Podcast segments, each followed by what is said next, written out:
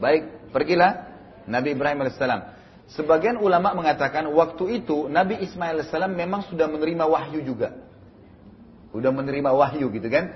Sehingga memang dia sudah tahu nih ayahnya dia siapa, nabi, apa bagaimana beriman kepada Allah itu sudah tahu. Kesimpulan kita begitu, ya.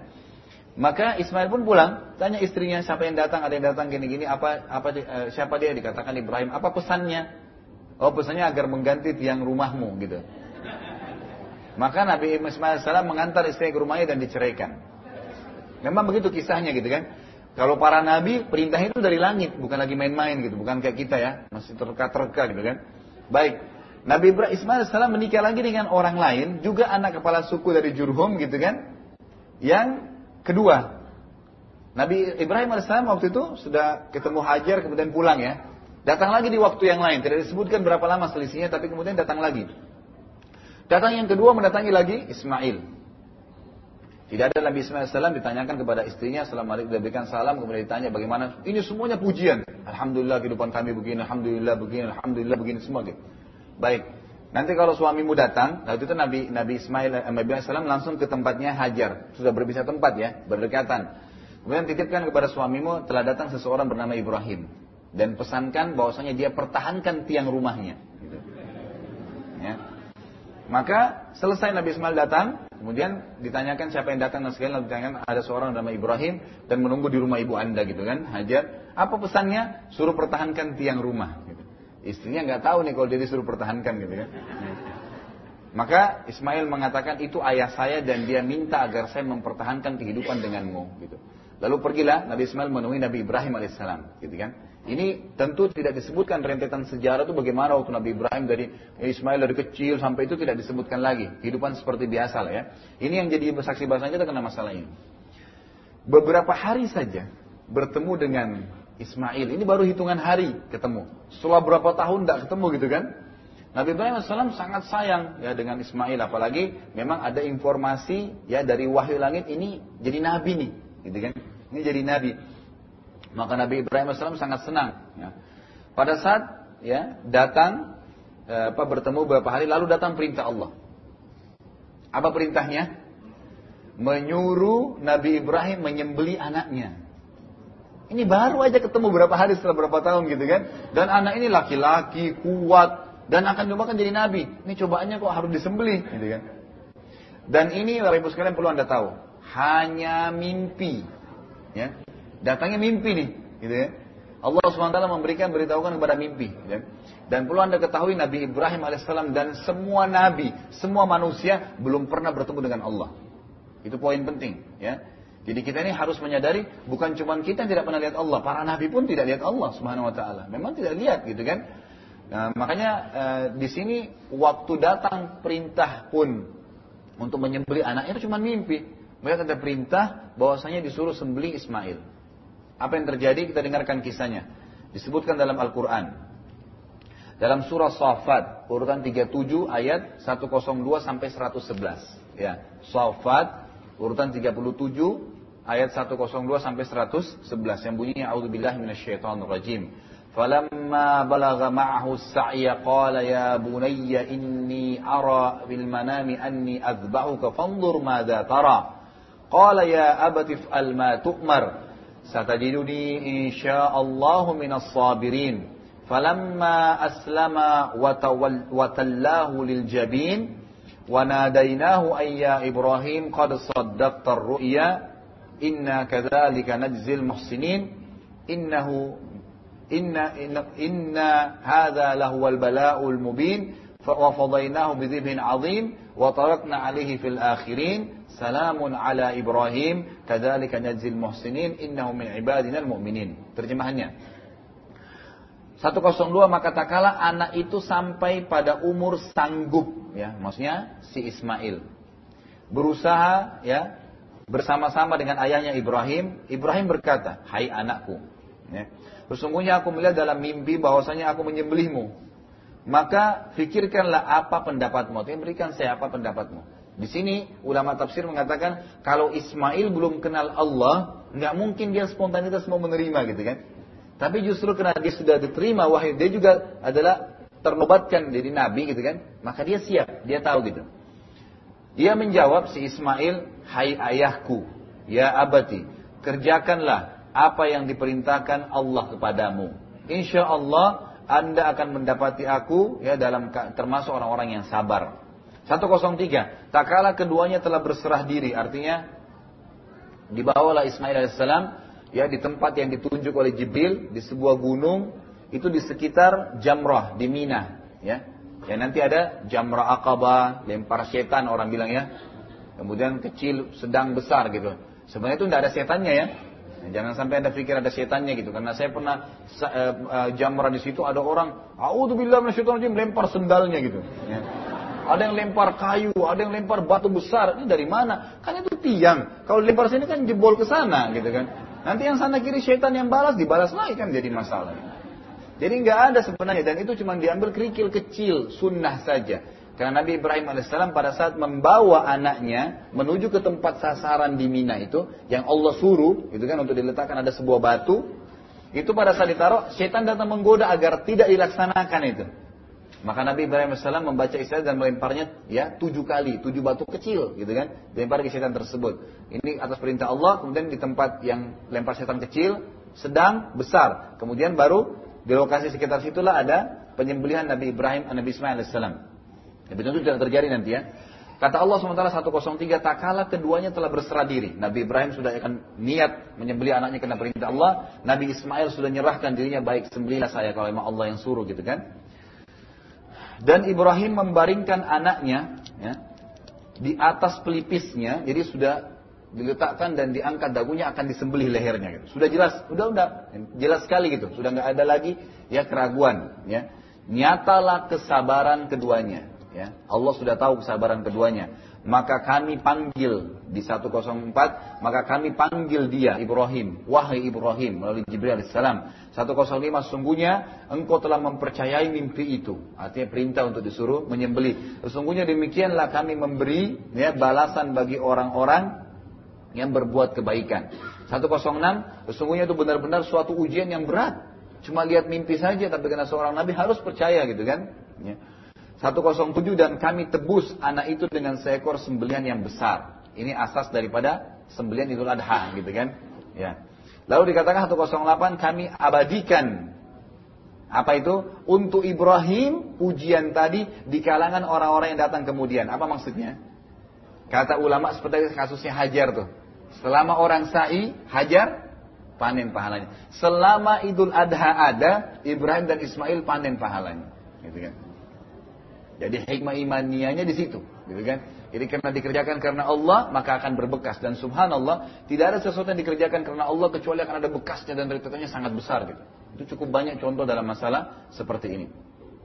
109 yaitu ya Allah akan abadikan tadi kesejahteraan dilimpahkan kepada Ibrahim. 110-nya demikianlah kami memberikan balasan bagi orang yang berbuat baik. 111 sungguhnya ia termasuk hamba-hamba kami yang beriman. Hamba-hamba kami yang beriman. Lalu setelah itu, ya, mulailah ada beberapa rentetan ibadah haji nih, kan gitu. Ada perintah lain yang datang. Perintah lain itu adalah menyuruh Allah SWT menyuruh membangun Ka'bah menyuruh membangun Ka'bah ya. Jadi sudah ada rentetan tadi, udah mulai Nabi Ibrahim tinggal di Mekah, anaknya mau disembelih terus kemudian tidak jadi, udah selesai. Jadi ada tadi sa'i sudah selesai zaman Hajar tadi.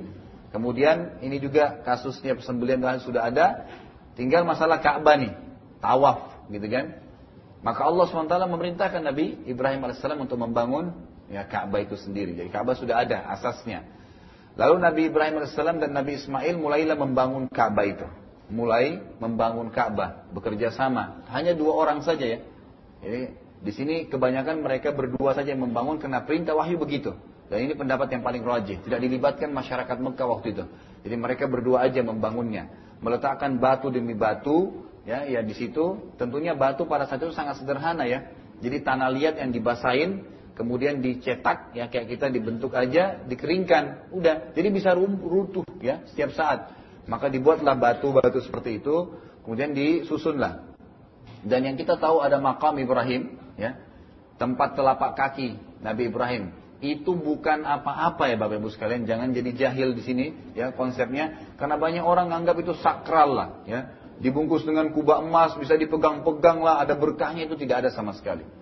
Itu hanya sekedar telapak kaki Nabi Ibrahim dalam sirah disebutkan. Nabi Ibrahim AS waktu sudah membangun Ka'bah, setiap sudah mengatur batanya gitu kan. Itu beliau mundur. Mundur untuk melihat ini sudah stabil belum bangunannya gitu. Hanya itu saja gitu kan. Kenapa dikekalkan oleh Allah Subhanahu wa taala? Karena ketulusannya Nabi Ibrahim. Jadi orang bisa kenang. Ini dia dulu kerjain bangun Ka'bah karena Allah yang perintahin gitu kan. Jadi ini ketulusan, maka Allah kekalkan Salah satu perilaku dikekalkannya tidak ada orang yang tawaf, umrah atau haji kecuali harus sholat dua, dua rakaat di belakang makam Ibrahim, gitu kan? Itu bagian daripada keharusan, ya, daripada tawaf itu sendiri. Eh, kalau orang haji dan umroh, gitu kan, maka dia harus sholat di belakang. Dan sholat di belakang makam Ibrahim, bapak ibu sekalian, tolong ditibratkan ini, tidak harus di belakangnya pas. Sampai ke tempat sa'i di belakang itu tempat sholat dua rakaat. Jadi jangan motor di tempat tahu sehingga kepalanya diinjak-injak oleh jemaah haji gitu. Ya nggak usah dipaksain gitu kan. Jadi pointernya tidak perlu memaksakan hal seperti ini. Jadi cukup saja seperti itu ya. Maka apa yang terjadi ya?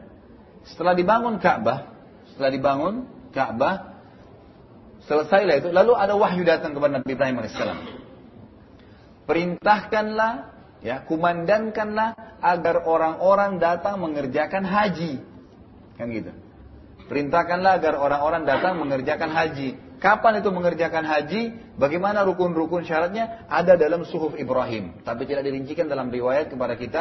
Bagaimana pada saat itu ya perilaku apakah sama dengan kita mutlak sekarang atau tidak. Tapi jelas sa'i, tawaf gitu kan. Eh, di Ka'bah, kemudian jamrah, sembelihan itu semua bagian daripada ajaran Nabi Ibrahim AS di zaman itu. Syariatnya. Karena Al-Quran datang menyempurnakan syarat-syarat sebelum kita. Ada yang ditarik menjadi hukum kita, ada yang tidak gitu kan. Ada yang sudah terhapus. Maka Nabi Ibrahim AS menjawab ya kepada Jibril.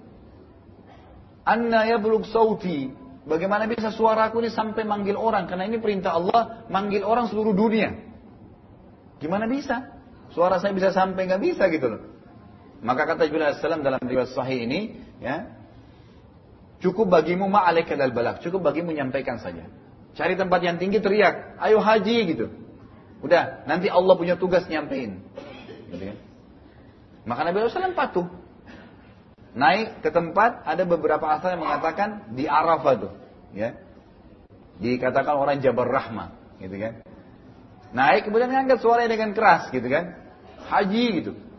Maka suara Nabi Ibrahim AS dibawa dengan izin Allah SWT ke seluruh pelosok muka bumi ini. Dan semua orang yang hidup pada saat itu datang ke Mekah. Ya. Yang beriman kepada Allah datang ke Mekah untuk haji. Itu Allah SWT ceritakan di dalam surah Al-Hajj. Ayatnya ayat 27. Ya. 26 dengan 27 ya. 26, 27, 28 juga ya. Itu termasuk semuanya. 29 ya di antaranya juga begitu. Baik, saya bacakan auzubillahi minasyaitonir rajim. Kita mulai dengan ayat 26, wa id bawwa'na li Ibrahim makanal baiti alla tusyrik bi syai'an wa tahhir baiti lit-ta'ifina lit-ta'ifina wal qa'imina war ruk'is sujud. Ya. Di ayat 26-nya ya. Di sini dikatakan dan ingatlah Ingatlah ketika kami tempatkan Ibrahim di tempat Baitillah atau kami jadikan dia berhasil bangun Ka'bah dan akhirnya dia punya posisi di situ, ya punya tempat di sekitar situ.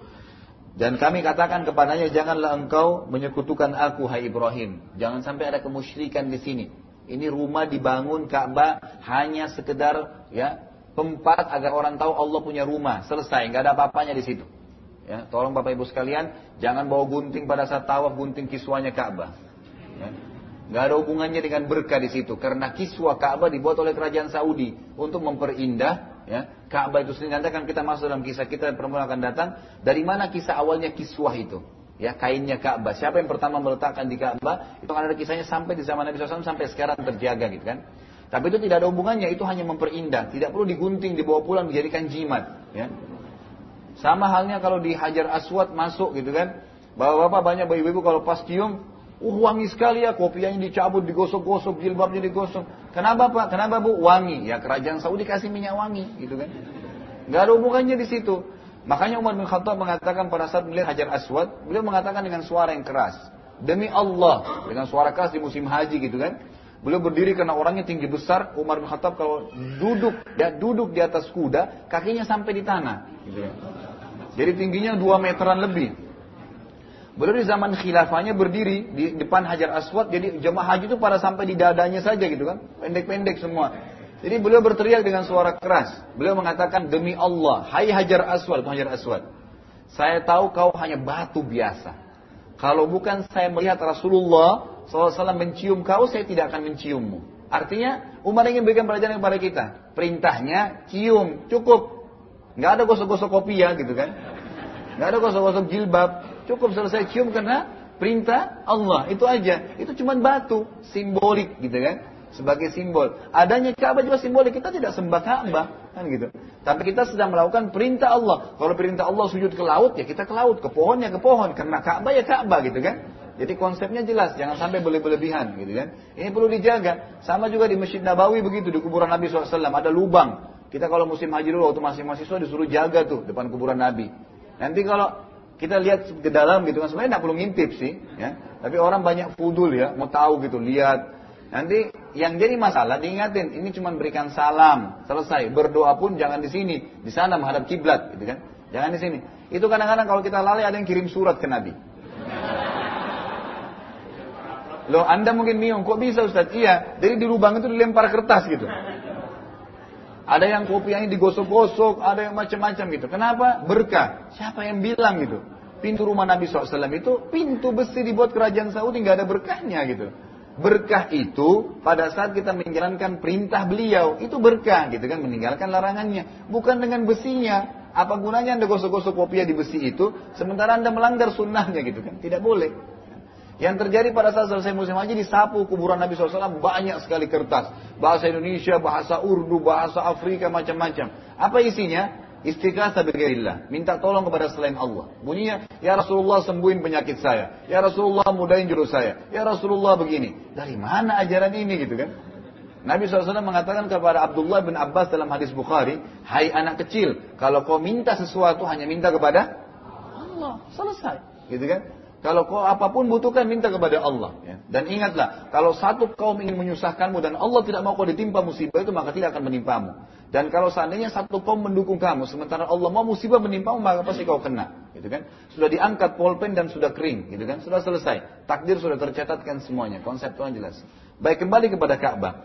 Lalu dikatakan di ayat 27-nya, wa'adzim finnas Ya, eh, maaf, belum saya terima tadi. Jangan sekutukan aku apa pun dan sucikanlah rumahku ini bagi orang-orang yang tawaf dan orang-orang yang beribadah serta orang-orang yang ruku dan sujud. Artinya ini aja perilakunya nih. Ibadah di Ka'bah, nggak ada apa-apa yang lain gitu kan. Baik ayat 27 dikatakan wa'adzim finnas. Ini saksi bahasan kita. Wa'adzim finnasi bil haji ya'tuka rijalan wa ala kulli dhamiri ya'tika min kulli fajjin amiq. Ini yang kita katakan tadi suaranya sampai ke seluruh pelosok muka bumi ini. Dan serukanlah kepada manusia untuk mengerjakan haji, niscaya mereka akan datang kepadamu dengan berjalan kaki. Teriak saja, nanti Allah yang sampaikan suara Muhammad Ibrahim. Maka mereka akan datang berjalan kaki atau mengendarai setiap unta yang kurus. Kenapa untanya kurus? Karena terlalu jauh perjalanannya gitu. Ya, ini ulama tafsir mengatakan seperti itu. Mereka datang dari segenap penjuru yang jauh. Seluruh penjuru bumi ini yang beriman kepada Allah datang waktu itu untuk haji. Ayat 28, liyashhadu. Apa gunanya mereka dipanggil haji?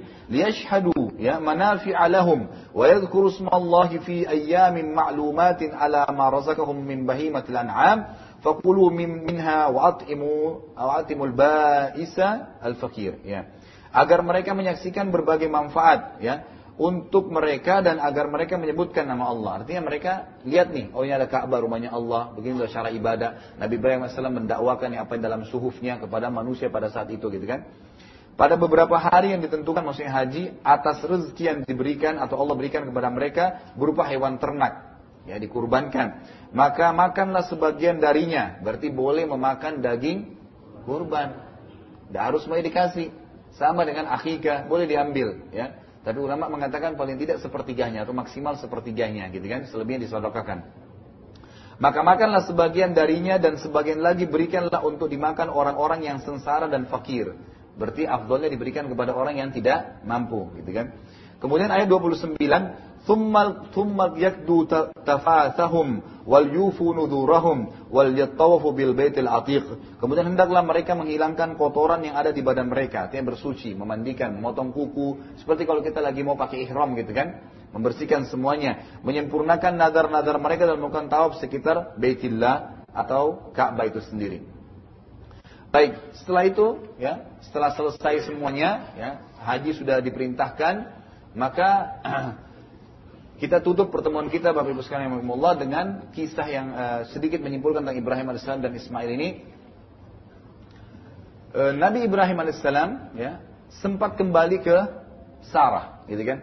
Dan Sarah ini Allah SWT berikan berkah kehidupannya. Setelah kejadian pembangunan Ka'bah, haji sudah selesai, Nabi Ibrahim alaihissalam disuruh balik, gitu kan? Pada saat balik ke sana, Sarah Ternyata Allah SWT bukan cuma sekedar membuat dia melahirkan umur tua dan mandul 60 tahun, tapi Allah memberkahi dia berhasil melihat anak cucunya. Dari Ishak akhirnya punya anak lagi namanya Yakub. Ya. Yakub ini nama lainnya Israel. Jadi Israel itu namanya Nabi Yakub sebenarnya. Gitu kan? Kalau dikatakan Bani Israel, berarti keturunannya Nabi Yakub. Nabi Yakub. Nah, kenapa dikatakan di sini Nabi Ibrahim sekali lagi adalah bapaknya para nabi? Ternyata setelah Nabi Yakub datang lagi Yusuf. Juga keturunan langsung Nabi Ibrahim alaihissalam. Dan kata para ulama, semua nabi-nabi Bani Israel itu kembali kepada Nabi Ibrahim. Daud, Sulaiman, Musa, Isa, gitu kan? Itu semuanya termasuk Yahya, Zakaria, itu semuanya keturunan nabi-nabi Bani Israel. Nah, kita tutup dengan sebuah konsep sebuah konsep yang penting. Di dunia ini agama propetes, agama Samawiyah dikenal tiga. Ada Yahudi, ada Nasrani, ada Islam. Sebenarnya semua orang yang beriman kepada Allah dikatakan Muslim. Sebenarnya gitu kan. Tapi harus sepenuhnya, harus seutuhnya. Kita kembali kepada orang-orang Yahudi dulu. Orang Yahudi diambil dari kata-kata Huda. Yahudi artinya Huda, artinya taubat. Artinya taubat. Kisahnya itu waktu Nabi Musa alaihissalam pergi menerima wahyu, ya Taurat selama 40 hari di Tur Sina, gitu kan? Itu ada satu pengikutnya namanya Samiri membuat patung sapi kan gitu dari emas. Diajak kaumnya untuk untuk beriman kepada untuk menyembah patung itu. Waktu itu Musa alaihissalam meninggalkan saudaranya dari ibunya gitu kan, ya saudara kandungnya Harun alaihissalam, nabi juga gitu kan. Tapi Harun nggak mampu untuk membendung kaumnya. Sampai Nabi Musa AS kembali, kemudian marah kepada Samiri, diusir keluar dari eh, kaum tersebut, dihancurkanlah patung itu, gitu kan?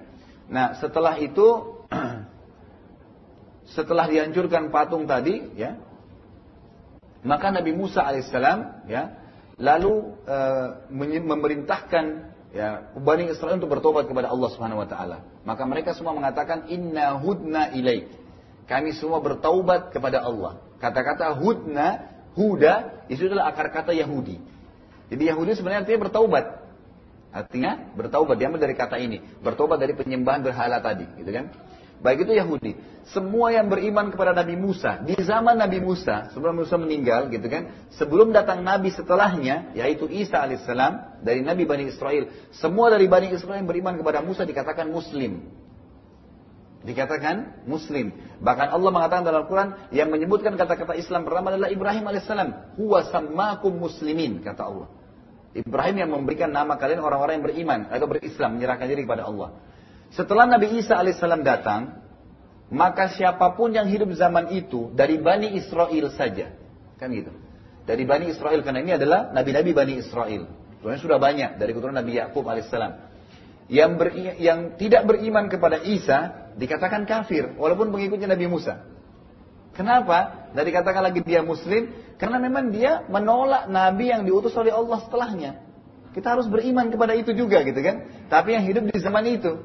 Maka semua yang beriman kepada Nabi Isa dan nabi-nabi sebelumnya, Musa dan seterusnya gitu kan, tapi menjalankan syariat Nabi yang terakhir yaitu Isa alaihissalam dalam Injil tidak menjalankan lagi Taurat. Karena ini konseptualnya sudah datang Nabi Isa alaihissalam. Dikatakan Muslim. Yang tidak beriman kepada Nabi Isa dikatakan kafir. Makanya Nasrani mengatakan Yahudi kafir.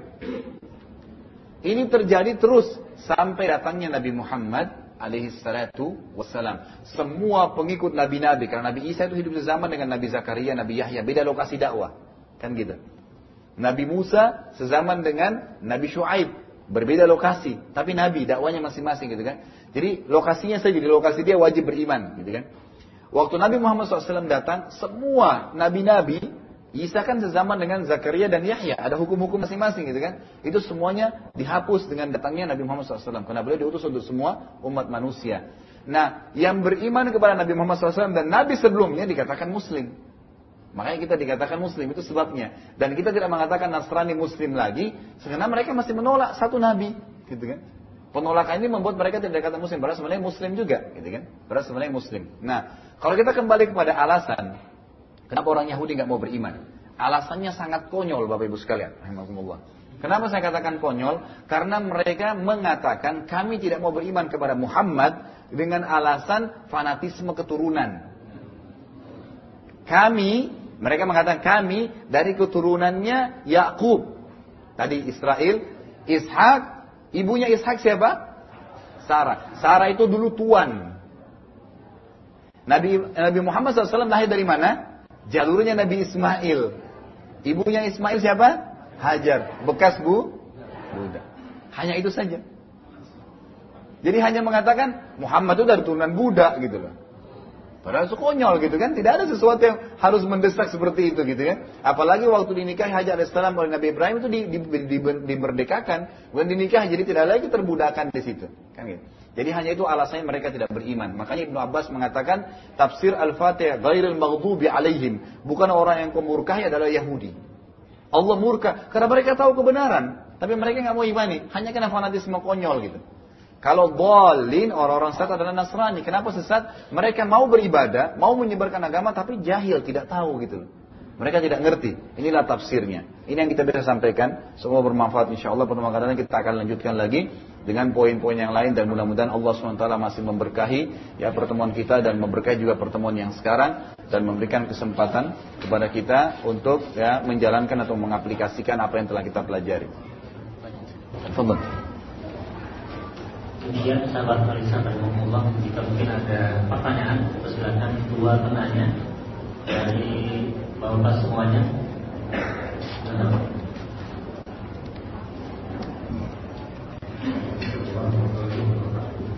Waalaikumsalam. Tayangan televisi, saya melihat bahwa ada seorang petani di suatu pedesaan. Menurut pengakuannya, malamnya dia bermimpi untuk disuruh menggali uh, tanah di halaman rumahnya. Kemudian besoknya dia menggali halaman rumahnya, memang tempat dengan berubah alam. Yang saya tanyakan, apakah mimpi ini datangnya dari Allah Subhanahu Wa Taala? Terima kasih atas Baik. Kalau kita berbicara tentang mimpi, maka mimpi ada dua macam. Ibnu Sirin rahimahullah menjelaskan seorang tabi'in yang masyhur, mimpi itu ada dua, ada ru'yah, ada hilm. Ada ru'yah, ada hilm. Seperti ru'yah hilal, melihat bulan gitu kan istilah ru'yah. Bukan rukyah. Rukyah mengobati orang yang sedang kesihiran dan keracunan gitu kan. Rukyah pakai qaf. Kalau ini pakai hamzah, ru'yah. Ya. Kata Nabi SAW, ru'ya as-sadiqah, ar-ru'ya as-sadiqah, ya, jadi mimpi yang benar itu bagian daripada atau cabang daripada mukjizat para nabi. Jadi ada sebenarnya mimpi yang benar dari Allah Subhanahu wa taala. Itu dulu poinnya. Tapi syaratnya kata para ulama, orang itu memang dekat dengan Allah. Sehingga memang betul-betul dalam konsep yang benar ya. Sesuai Al-Quran dan Sunnah, memang wahyu. Maka dia bisa mimpi. Misalnya, dia mau haji tahun ini, dia mimpi. Dia pakai ihram misalnya. Dia mimpi melihat Ka'bah. Ya, ternyata akhirnya dia pergi haji tahun itu. Allah mudahin. Itu contoh. Ada kerabatnya mau datang, mungkin dia lihat, memang benar terjadi, kan gitu. Jadi itu konsepnya bisa terjadi, namanya ru'ya as-sadiqah. Itu ada, itu benar. Selama orang itu memang benar-benar di jalan Allah Subhanahu wa taala. Sama hanya ulama bilang kalau ahli maksiat, tapi memang dia ahli tauhid, dia memang mengisahkan Allah, cuma dia pernah bermaksiat, lalu dia mau bertaubat kepada Allah atau Allah ingin dia bertaubat. Allah mimpikan dia masuk ke neraka, gitu kan. Itu memang dasarnya karena orang-orang ini Allah SWT ingin berikan petunjuk gitu karena memang dia punya backnya itu ya, ada asasnya dia beriman kepada Allah benar memang jalan Al-Quran dan Sunnah. Ada hilm, hilm dari setan. Hilm ini dari setan. Ini konsepnya segala sesuatu yang membuat atau keluar daripada koridor ya, yang tidak diinginkan oleh Allah. Tentunya ada bahasan sendiri. Anda boleh kembali kepada kamus mimpi bahasa Indonesia begitu ya. Kamus takwil mimpi tulisan Ibnu Sirin. Itu uh, beliau sebutkan di situ cara membedakan antara rukyah dengan hilm adalah ketakwaan kepada Allah dan kemaksiatan seseorang, gitu kan? Kalau orang itu memang sering kedukun, sering memang berbuat amal-amal yang melanggar hukum Allah SWT, maka yang sering datang hilm. Di antara contoh hilm pelanggaran misalnya ada orang disunnahkan tidur balik sisi kanan oleh Nabi SAW. Hendak dia tidurnya tengkurap misalnya. Maka itu akan mimpi yang tidak nyaman pastinya. Dan Nabi SAW sudah memberikan gambaran kalau orang mimpi tidak baik maka dia terkaget tengah malam dia membaca isti'adzah. Auzubillah minasyaitonir lalu meludah tiga kali ke sebelah kiri dengan tiupan ya. Seperti orang merukyah itu meniupkan angin kecil ke sebelah kiri tangannya dan kemudian balik posisi kanan kembali. Itu posisi kanan. Itu kalau mimpinya tidak baik gitu kan. Baik. Kalau ditanya tadi, Kira-kira ada orang mimpi, kemudian dia mimpi depan rumahnya ada harta tersembunyi misalnya. Apakah itu benar dari Allah? Kembali kepada orang ini. Kata ulama ini pekah sekali membedakan. Kalau dia adalah orang yang memang beribadah kepada Allah Azza wa kita tidak tahu bentuk ibadahnya kepada Allah. Tapi mungkin memang dia jaga sholat malamnya, memang dia suka membantu orang, dia sabar dalam cobaan kehidupannya, gitu kan. Tidak ada pelanggaran syirik, bukan orang yang biasa pergi ke kuburan, menggunakan jimat. Maka itu berarti memang dari Allah Subhanahu Wa Taala. Allah yang memberikan kepadanya rezeki. Tapi kalau orang ini ahli maksiat, kemudian tiba-tiba dia mendapatkan itu, bukan mustahil kata para ulama, itu cara setan agar dia nanti lebih membuat kekufuran. Ya. Sebagaimana kata Nabi SAW dalam sebuah hadis yang sahih, kalau seandainya engkau melihat ya nikmat berlimpah pada seorang hamba sementara dia bermaksiat, maka ketahuilah dan sadari itu adalah tadarruj, tahapan azab yang Allah sedang turunkan kepadanya gitu. Sama halnya cukup banyak syaitan ya. Jadi syaitan itu bukan cuma menggoda anda jangan berzina suruh berzina, jangan sholat tidak. Kadang-kadang dia masuk ke dalam kehidupan sosial kita, kehidupan sehari-hari. Misalnya, di Indonesia kan ada terjadi begitu tuh. Tiba-tiba ada anak-anak dianggap ya indigo, bisa mengobati orang sakit. Ada batu keramat ditaruh di air bisa nyembuhin orang. Ini demi Allah permainan setan. Ya. Ini permainan setan. Ini sudah bukan bukan lagi rahasia umum di antara para ulama dan anda kalau kembali ke buku-buku hadis. Kenapa? Karena setan ingin menunggangi anak itu tanpa dia sadari gitu kan, sehingga menyembuhkan orang gitu. Dan setan itu, Bapak Ibu sekalian Allah bisa mengangkat penyakit Anda ya. Misalnya dia tahu nih ada batu di tubuh Anda. Bisa dilakukan. Makanya para dukun-dukun tuh memegang, narik batunya disembuh tiba-tiba. Itu dukun, gitu kan. Dan di Indonesia ini kita sangat sayangkan sekali, cukup banyak orang yang maaf, berkedok ustadz dan kiai tapi dukun, gitu kan. Itu luar biasa itu. Mereka menggunakan ayat Al-Quran. Bagaimana contohnya? Demi Allah Bapak Ibu sekalian kata para ulama. Kalau ayat Al-Quran ya dihapus satu huruf saja atau ditambah satu huruf sudah bisa digunakan untuk jadi alat sihir. Contoh, ayat Quran dibaca, dipotong pakai bahasa daerahnya. Masukin nama, hapus sehuruf, tambah sehuruf, tambah ayat. Maka ini sudah bukan ayat Al-Quran, mutlak. Walaupun dia asal lafadznya lafadz Al-Quran berubah, itu bisa digunakan untuk alat sihir. Makanya cukup banyak orang tidak sadar. Dia lakukan sihir, dia katakan itu baca Al-Quran kok, baca ayat kok, berdoa dalam bahasa Arab kok, gitu kan. Padahal sebenarnya itu bukan sama sekali. Itu sudah berubah. Satu huruf, apalagi kalau sudah satu kalimat, gitu kan, dipenggal-penggal. Apalagi kalau bacanya nggak benar, gitu kan. Jadi kacau semua, gitu kan. Jadi itu berbahaya sekali. Harus hati-hati tentang konsep-konsep seperti ini. Kembali ke pertanyaan tadi, intisarinya kalau memang dia ahli ibadah, nilai taala itu Allah ingin memberikan rezeki kepadanya, gitu kan. Tapi kalau dia ahli maksiat, maka itu berarti tadarruj atau bisa saya ditunggangi oleh syaitan la'anatullah alaih yang masuk dalam kehidupan kita sehari-hari. Gitu. Waalaikumsalam kata. Terlihat dari dari pelajaran tadi